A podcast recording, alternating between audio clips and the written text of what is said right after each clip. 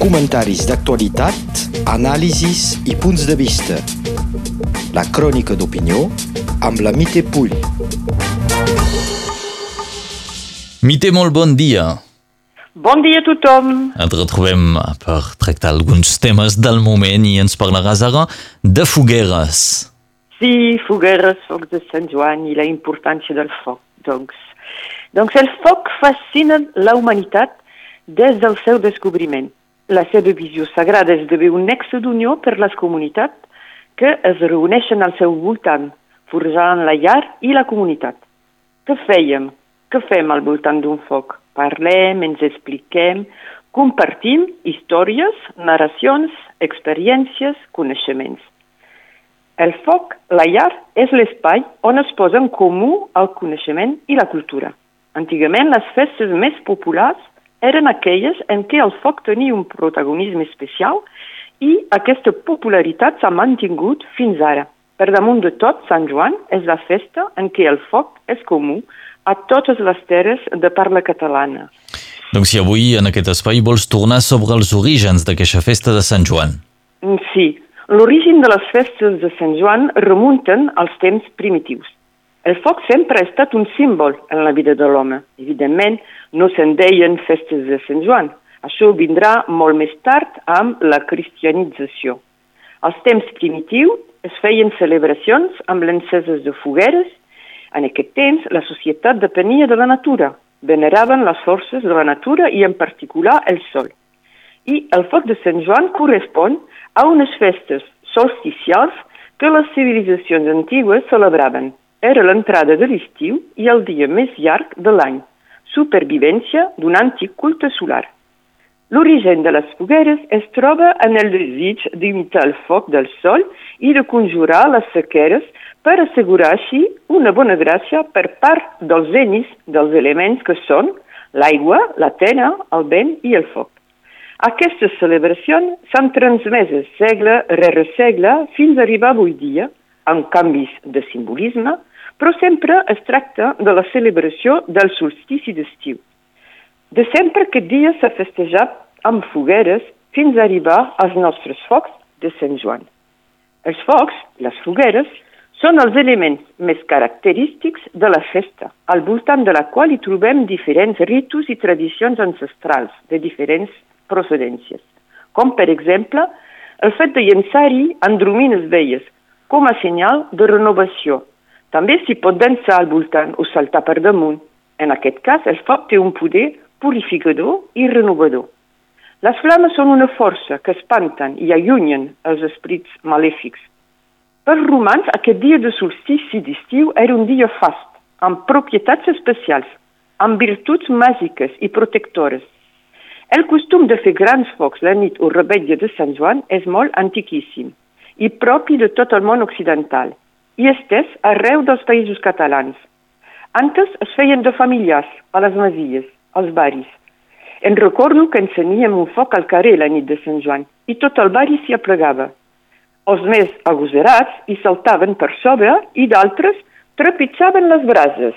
Déu-n'hi-do. Sí, eh? saltar, saltar la flama és important. Aviam sí. com, com ha evolucionat el foc de Sant Joan al llarg de la història. Amb l'arribada dels romans ja teníem tradicions ben arrelades a les nostres terres i teníem costum de celebrar el solstici d'estiu amb fogueres.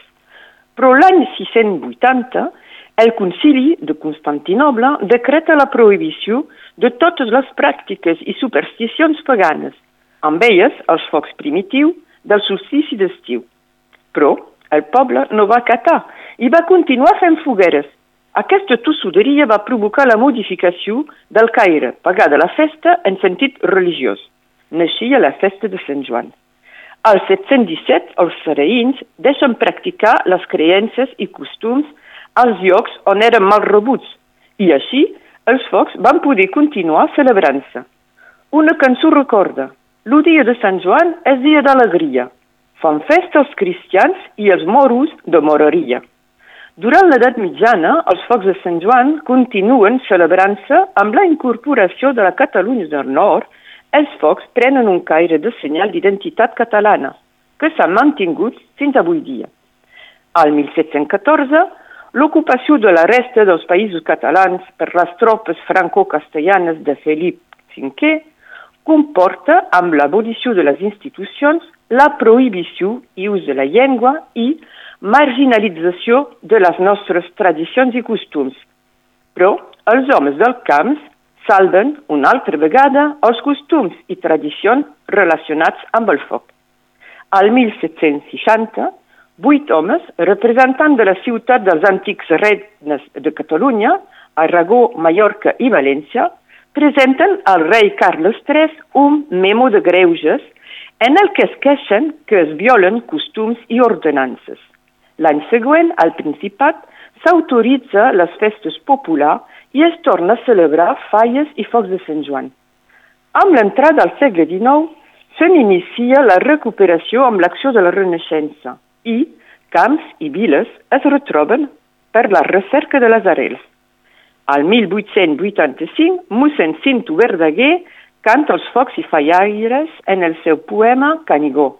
Amb l'Estatut d'Autonomia, al 1933, excursionistes i estudiants donen sentit de comunitat als focs de Sant Joan i encenen focs a totes les viles i muntanyes. Més tard, al 1939, torna un replegament al Principat, en tot el que ens identifica com a poble. I només són permeses les tradicions i costums que no portin problemes, buidades del seu sentit i contingut. Llavors, els focs de Sant Joan es converteixen en l'ocasió anual de cremar trastos vells. Un nucli petit resisteix i sabem que catalans del nord portaven en aquesta època la flama del Canigó als germans del sud com a senyal de resistència. Vet aquí la història, doncs, eh, de, de, de Sant Joan. Sí. Avui, què és Sant Joan? Avui dia, cada indret dels països catalans celebra la Sant Joan i el solstici d'estiu, cadascú a la seva manera. Si en els medis urbans ha, ha desaparegut el costum de renovar la nostra vida cremant tota mena d'andromines velles, en el medi rural segueix mantenint aquest sentit. Les formes més antigues del foc ritual de Sant Joan són les falles, que trobem a les comarques de muntanya, per exemple al Pallars. També es fan fogueres a les platges mediterrànies i a la Catalunya del Nord tenim la Flama del Canigó, flama dels països catalans. La situació geogràfica del Rosselló, una plana, una plana perdó, rodejada de muntanyes, ha favorit el naixement de focs de Sant Joan sobre els cims. Sabem que la característica dels focs celtes consistia en encendre, pel solstici d'estiu, brasers en el pic de les muntanyes, ser vist de lluny i passar un missatge. Eren el paper de les famoses torres de senyals que trobem arreu del nostre país. Actualment, la festa de Sant Joan es manté viva, no només en sentit lúdic, sinó també en sentit d'identitat, que la iniciativa de la Flama del Canigó ha potenciat des dels anys 50. Francesc Pujades, inspirat pel poema de mossèn Cinto Verdaguer, va decidir encendre els focs de Sant Joan dalt de la pica del Canigú i des d'allà repartir la flama per totes les nostres terres. De nou, la festa prenia un sentit col·lectiu i en poc temps ha pres una gran força i a poc a poc la flama arriba a tots els països catalans. El sentit de la flama és nacionalista i ha estat declarada festa nacional dels països catalans. Cada any, la flama es renova des del Castellet, on es guarda tot l'any. Cada any, la flama torna al Canigú, muntanya sagrada, per ser purificada amb una cerimònia que dona un caràcter màgic a la festa. Al voltant de les fogueres hi ha un munt de creences i rituals amb virtuts purificadores. Però, més enllà, més enllà d'aquest esperit festiu, la flama del Canigú expressa la catalanitat i la unitat dels països catalans. La flama del Canigú és el símbol de la unitat que ens arrela en el passat i ens projecta cap al futur de la persistència i vitalitat de la cultura catalana. I, si s'ha de preservar el tradicional de la festa, per sobre de tot s'ha de mantenir el seu sentit d'identitat. I com festejarem Sant Joan aquest any? Sí, bona sense, pregunta. Sí, sí. Sense aquest foc tan simbòlic, simbòlic, protagonista de la festa, aquest foc que dona la benvinguda a l'estiu, i allunya els mals averanys, aquest foc que germana les nostres terres.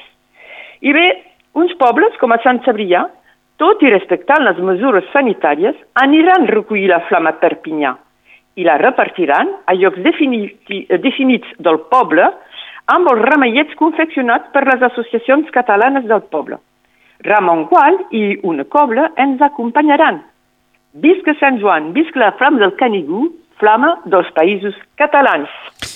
Moltes gràcies, Mite Puy. Fèiem un comentari al voltant doncs, d'aquesta festa de Sant Joan, un poc particular enguany, però veiem que molts municipis, igualment, d'una forma o l'altra, ho volen fer igualment. Aquí mostra la importància d'aquesta celebració. Mite, Exactament. moltes gràcies, Mite. De res. Bon dia a tothom. Diu. Comentaris d'actualitat, anàlisis i punts de vista. La crònica d'opinió amb la Mite Pull.